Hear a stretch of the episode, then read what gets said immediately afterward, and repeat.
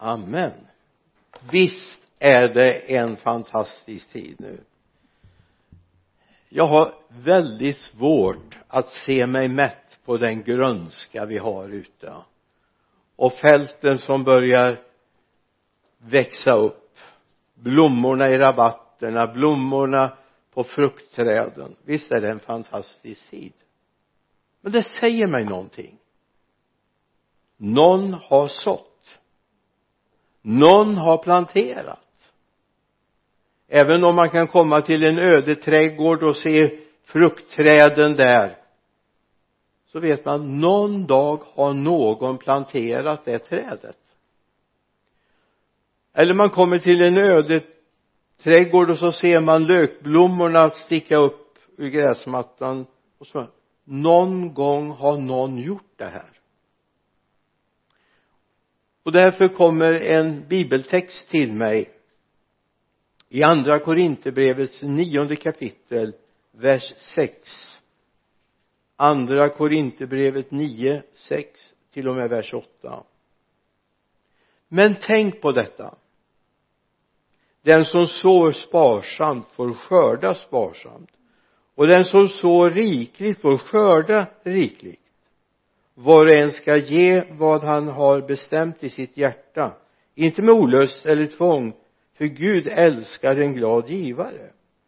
Och Gud har makt att ge er all nåd i överflöd så att ni alltid och i allt har nog av allt och kan ge i överflöd till varje gott verk. Ja det här är ju Paulus som skriver till församlingen i Korint om en insamling som är på gång. Men jag tänkte det är så vist. Men tänk på detta. Den som sår sparsamt får skörda sparsamt. Och den som sår rikligt får skörda rikligt. Amen. Vi är ju inne i den där tiden nu när man ser det prunkar, det växer det händer saker både i trädgårdslanden, ute på åkrarna. Någon har besått gärdena. Jag är så fascinerad över de här rapsfälten eller om det är rips, jag kan inte se skillnaden. De här rapsfälten, gula, härliga. Eller om man åker förbi ett linfält i närheten och ser de här blå lila blommorna. Visst är det fantastiskt? Någon har varit där. Någon har sått det. Och så kommer jag att tänka på om någon inte sår sitt fält så finns det en ovän som sår.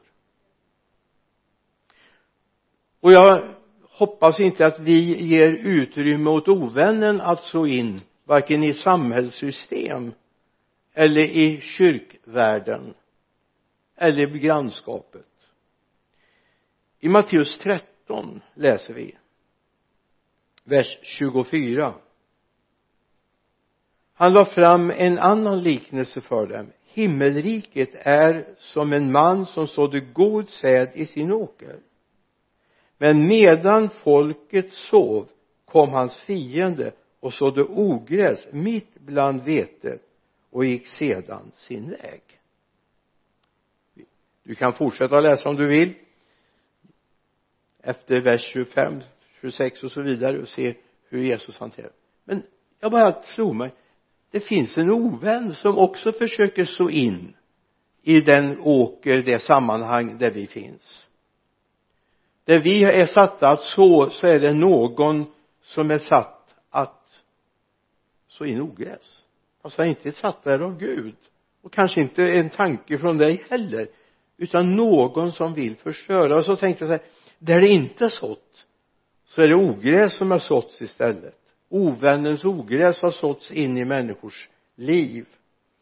Och det är viktigt att se att även ute på fälten finns det ovännens plats. De enda som inte gillar det det är de som vill skörda någonting äkta det är klart att de som letar efter blommor till midsommar, midsommarkransen eller midsommarstången de kanske är glada över att inte det är sått och förkvävt den växtlighet som de vill komma åt. Men det är inte det man skördar och kan leva av eller äta. Så tänkte jag så här du har också ett kapital någonting du ska så. Du har någonting. Det kan vara pengar det kan vara dina gåvor eller din tid. Pengar kan vara olika men någonting vi har gemensamt oavsett rik eller fattig ung eller gammal så är det tid. Ingen har fått mer än 24 timmar på ett dygn. Och ingen har fått mindre än 24 timmar på ett dygn. Alla har samma. Frågan är bara hur förvaltar jag min tid? Vem får din tid? Det kanske är en viktigare fråga än att ställa vem får dina pengar? Vem? Eller din begåvning? Alla har en begåvning. Vi talar om en del är väldigt begåvade men jag tror alla är begåvade. Men var och en på sitt sätt. Det är bara att vi har satt kriterierna för begåvning på ett sätt.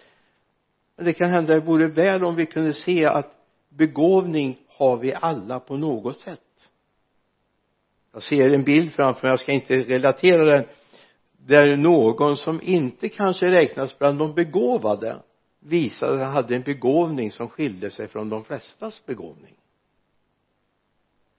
Så vad använder vi det till? Den kunskap du har. Sår du in det i någonting vettigt? Din tid sår du in i det någonting som är vettigt? Någonting som du en dag ska få se en skörd av. Och få fröjda dig över tillsammans med andra. Din begåvning sår du in den på rätt sätt så att andra också får glädje av det. Om det är på jobbet eller på din fritid i församlingen eller där du finns till vardags. Var sår du in den kunskap, den begåvning och hur använder du din tid? Jag tror det är viktigt att vi ser det här. Det här är också så in men också dina pengar. Vad använder du dem till? Tro inte att de pengar du har är dina pengar. Tro inte det för då tror du fel.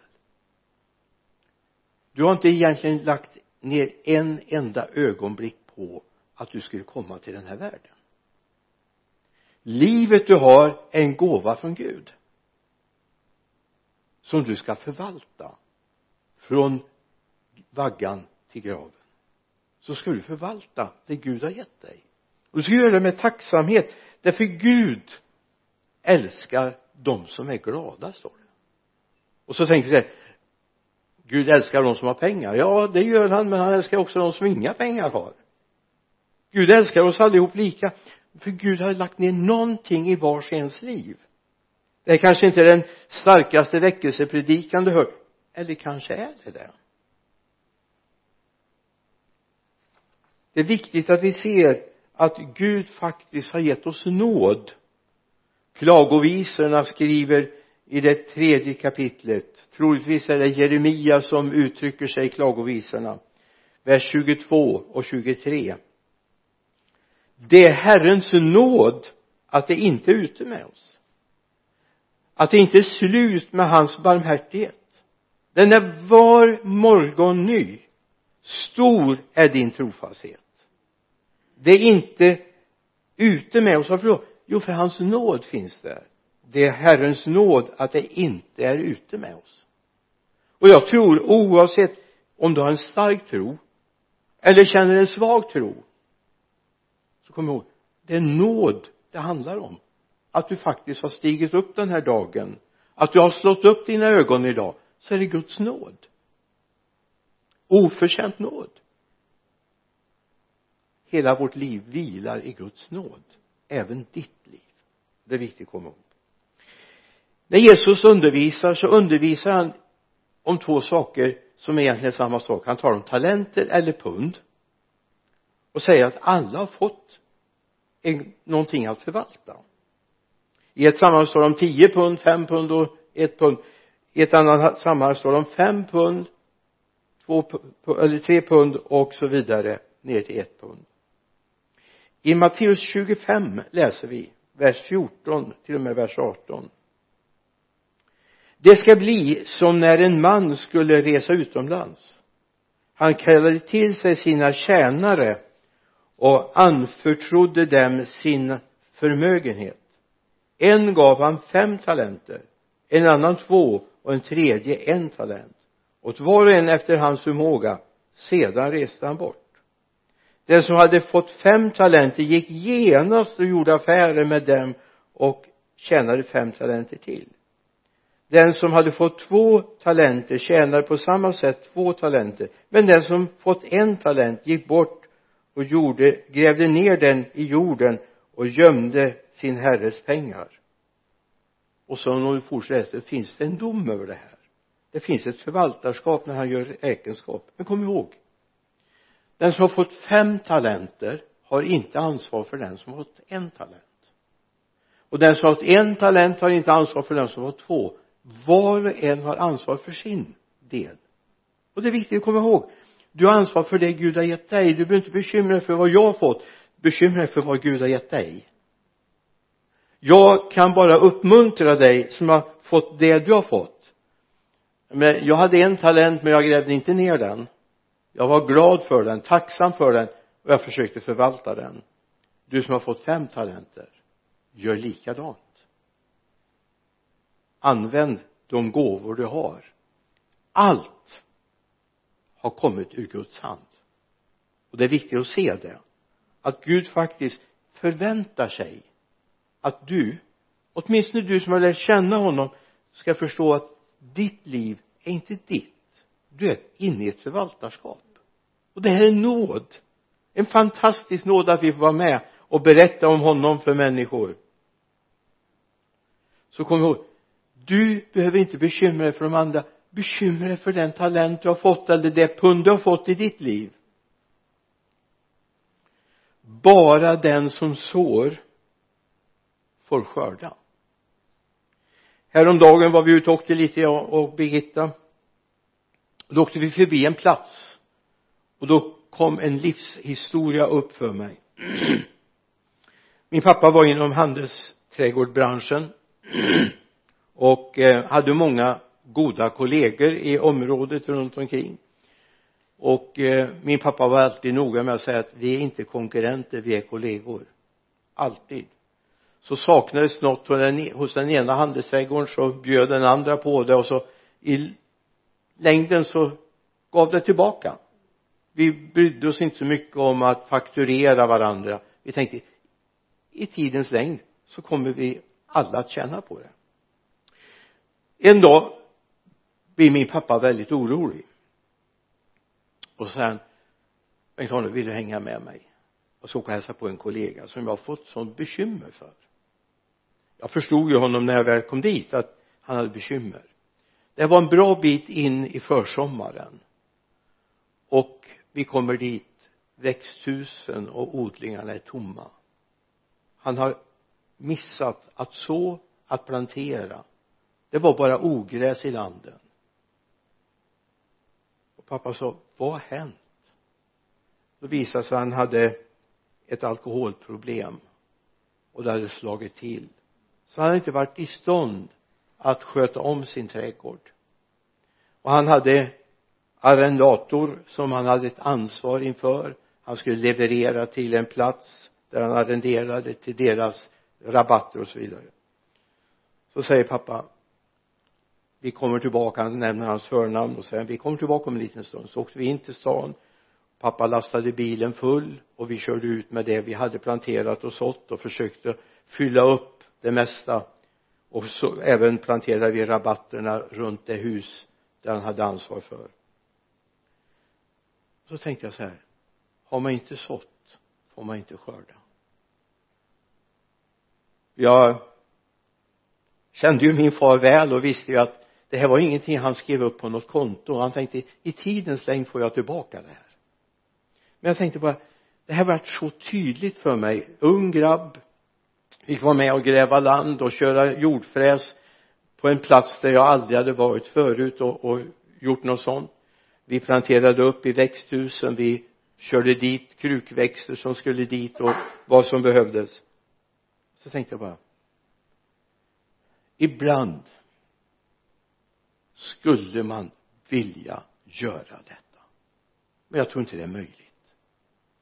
Därför människor står där med tomma land därför man har inte sått in. Man har bara tänkt på sitt eget. Man har glömt. Man har varit upptagen av den här världens omsorger och inte bekymrat sig för sitt eviga värld. Du är väl inte en sån? Det är tid nu att ta tag i ditt liv att så in i din omgivning, i ditt sammanhang, där du finns så att inte du står där utan någonting som har växt upp en dag ska vi stå i himlen? Det är då räkenskapsdagen kommer. Sällan här på jorden. Men den dagen kommer det visa sig hur vars och ens verk är. Säger första Korinthierbrevets tredje kapitel. Den dagen visar sig. Vers 10 vårt uppdrag, ditt och mitt du som älskar Jesus och det hoppas jag du gör även om du kanske inte bekänner dig till så hoppas jag du älskar Jesus. Och vill bli en bekännande kristen så småningom. Vårt budskap är att så ut evangeliet. Evangeliet om Jesus Kristus. Vårt budskap är att föra ut frälsning till en förlorad värld. En bortvänd värld. Det är ditt och mitt uppdrag att förmedla i gudstjänstsammanhang i vardagen, på arbetsplatsen, i bostadsområdet att förmedla budskapet om honom. Och då grundar det sig alltid i ett bibelord som finns i Kolosserbrevets tredje kapitel. Det här är grunden för det vi har. Och det här ska vi både tala ut och leva ut. Vers 15 Roma, eller Kolosserbrevet 3.15 låt Kristi frid regera era hjärtan. Den frid ni är kallade till i en och samma kropp. Och var tacksamma. Låt Kristi ord rikligt bo hos er med all sin vishet. Undervisa och förmana varandra med salmer, hymner och andliga sånger. Och sjung till Gud med tacksamhet i era hjärtan. Låt Kristi ord bo rikt ibland er. Och då talar det inte om att vi ska tala ut massa bibelord. Det är jättebra att memorera och tala ut bibelord. Jag har egen erfarenhet vad viktigt det har varit. Men framförallt mitt liv ska präglas av evangeliet av Guds ordet. Så att människor ser och hör och förstår vem han verkligen är. Så Kristi ord rikt bo i ditt liv det är grunden för det du ska så ut. Det är grunden för det du gör. Att du gör det du gör det därför att Guds ord säger dig det. Att Guds ord har fyllt dig så du har någonting att dela ut. En tom hand kan inte så ut men en full hand kan så ut. Ett tom mun kan inte så ut och ett tomt hjärta kan inte så ut. Men ett fyllt hjärta med Gud med Guds ord ett fyllt hjärta och en fylld mun kan tala ut sanningen om honom. Så handlar det om att så in Guds verk i och genom församlingen. Du vet församlingen är en fantastisk det är sanningens pelare och grundval står det i Guds ord. Det är väldigt fantastiskt. Men det, det är gott med, med enskilda kristna och församlingen består ju av enskilda kristna. Men församlingen som institution är av Gud instiftad. Och den ska vi vara rädd om. Och den är i behov av dina pengar och din tjänst och dina gåvor. Du vet en Guds församling består inte bara av bänksittare. Eller de som kommer och kollar ibland. Församlingen består av de som vill vara med och bidra. Och det är viktigt vi ser det. I Malaki står det att vi ska föra in fullt tionde i förrådshuset. Malaki 3 och 10 bär in fullt tionde i förrådshuset så att det finns mat i mitt hus. Pröva mig nu i det här säger Herren Sebot om jag inte kommer att öppna himlens fönster för er och ösa ut välsignelser över er i rikt mått. Jag vågar säga av egen erfarenhet vet jag att det här är viktigt jag lärde mig när jag växte upp jag är uppvuxen i en kristen familj. På den tiden fick man inte in pengarna på ett bankkonto utan man fick det i ett lönekuvert. Så gammal är jag. Det var cellofankuvert på slutet. Först var det nog papperskuvert men så småningom blev det cellofankuvert. Och så var det en liten eh, li, eh, eh, eh, eh lapp med där det stod då vilken tid man hade vilken månad och så vidare den här lönen var och hur man timmar som han hade arbetat och så vidare. Min pappa tog alltid undan tiondet direkt. Och då var det inte av det han fick utan av det lön som stod där att han hade fått. 850 kronor var hans månadslön då. Och när jag kom ut som evangelist så småningom fick jag mer än min pappa hade. 850 85 kronor gick direkt i en burk. Den fick man inte låna ur. Om det så var tomt i börsen så fick man inte låna ur den. Men vi hade aldrig tomt på bordet. Aldrig tomt på bordet. Det fanns en välsignelse. Och jag tror att det här är viktigt. Vi ser du som älskar Guds församling se det. Att först och främst ska du ge till den församling där du är hemma. Det är inte tänkt att du ska drutta runt det åt alla håll och kanter. Det tar du därutöver sen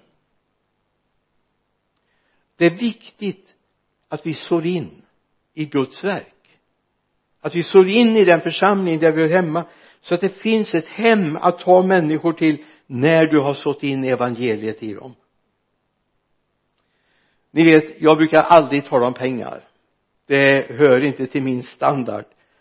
Idag kände jag bara att jag göra ett undantag. Jag har blivit så välsignad av detta med tiondegivandet. Det, det är en grundprincip och då är det så här att bibeln säger att det är Guds. Är du Guds egendom så är också tiondet av det du tjänar Guds egendom. Så du kan aldrig offra av de pengarna. Offret det är det som kommer utanpå. Nu är det inte så här att våran kassör har bett mig nu måste du tala om tiondet här så att det går i ordning för vår ekonomi.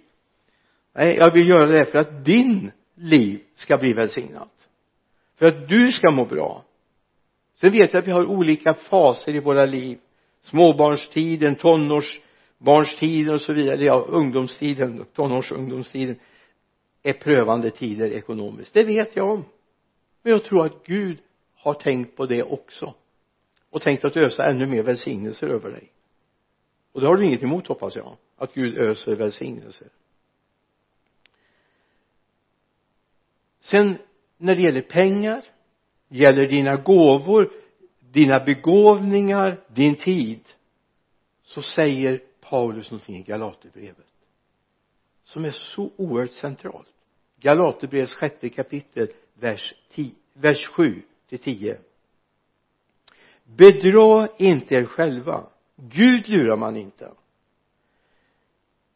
Det människan sår ska han också skörda den som sår i sitt kött får av köttet skörda undergång. Men den som sår i anden får av anden skörda evigt liv. Låt oss inte tröttna på att göra gott för när tiden är inne får vi skörda om vi inte ger upp. Och låt oss därför göra gott mot alla medan vi har tillfälle och särskilt mot dem som tillhör hans eller trons familj alltså bibeln säger att jag har ett ansvar för mina trossyskon men jag har också ett ansvar för alla andra människor. Den som sår i sitt kött det är de som bara öser ner på sina egna intressen. Sina egna hobbys. Jag har inget emot att du har hobbys. Det får vara dyra hobbys till och med. Bara du inte glömmer Guds församling det är viktigt. Och att du inte använder dina pengar bara till dina egna nöjen. Våra egna nöjen kommer att ta slut. Men evigheten fortsätter. Och det är viktigt att se det. Så det är inte bara smycken, bilar, prylar, resor som är värdefullt. Det är värdefullt att människor får lära känna honom. Det är himlen som ska befolkas. Inte badstränderna i i, i, eh, i medelhavet eller ute i Atlanten som ska befolkas. Det är himlen som ska befolkas. Och det är vårt uppdrag. Vi ska inte vara en resebyrå för nöjesresor utan vi ska vara en som pekar på honom. Det finns allt för mycket som sås i köttet. Att mina intressen ska bli tillgodosedda mina nöjen ska bli tillgodosedda det jag vill ska bli tillgodosett. Visst det kan vara trevligt. Men hur mycket befolkar det himlen? Det är frågan. Men den som sår i anden får av anden skörda evigt liv. Och jag vill skörda evigt liv. Jag menar även om inte jag hinner resa jorden runt och göra alla upplevelser som, som finns och hinner runt överallt det är inte intressant för mig. Men det som är intressant det är om min granne. Min medvandrare här i stan får lära känna Jesus. Det är det det handlar om. Det är viktigt att du förstår att en dag ska du skörda himlen. Och då vill du inte vara ensam där från det område där du bor. Eller att dina vänner ska få förstå att det som brinner hos dig det som din mun talar om det är evigheten tillsammans med honom. Så jag vill bara ha en uppmaning till oss. Investera dina pengar dina intressen din begåvning, din kunskap, din tid i det som befolkar himlen. Då kommer du må väldigt bra även här i den här tiden i Johannes evangeliets tolfte kapitel säger Jesus någonting som både handlar om honom och oss. Vers 24 och 25 jag säger i sanningen. Om vetekornet inte faller i jorden och dör förblir det ett ensamt korn. Men om det dör bär det rik frukt. Den som älskar sitt liv förlorar det men den som sätter sitt liv sist i den här världen ska bevara det till evigt liv. Alltså Jesus talar om att om inte vetekornet, alltså han själv ska falla i jorden och dö så hade han blivit ett ensam korn. Hade han bara fortsatt att vandra här så hade han gjort gott och hjälpt alla men han hade inte vunnit evig frälsning. Men det handlar också om att vi vågar dö från oss själva för att få evigt liv jag säger inte att jag är klar med det. Jag säger att det är någonting jag jobbar med varje dag. Att jag är beredd att ge mitt liv för min omgivning. Att jag är beredd att ge min tid. Att jag är beredd att ge den lilla begåvning Gud har gett mig. Att vinna människor. Och att du ska bli trygg i din tro på Jesus. Att du inte ska vackla att du inte ska åka en hit och en dit utan veta jag hör honom till. Så så inte i köttet. Så i anden. Så får du skörda evigt liv. Och många med dig. Din tid är hans. Och jag skulle bara vilja det. Där du sitter nu att du vågar knäppa dina händer och säga Jesus min tid mina begåv, min begåvning, min kunskap det är din. Jag ger det till dig. Använd mig fullt ut utan några begränsningar. Allt är ditt.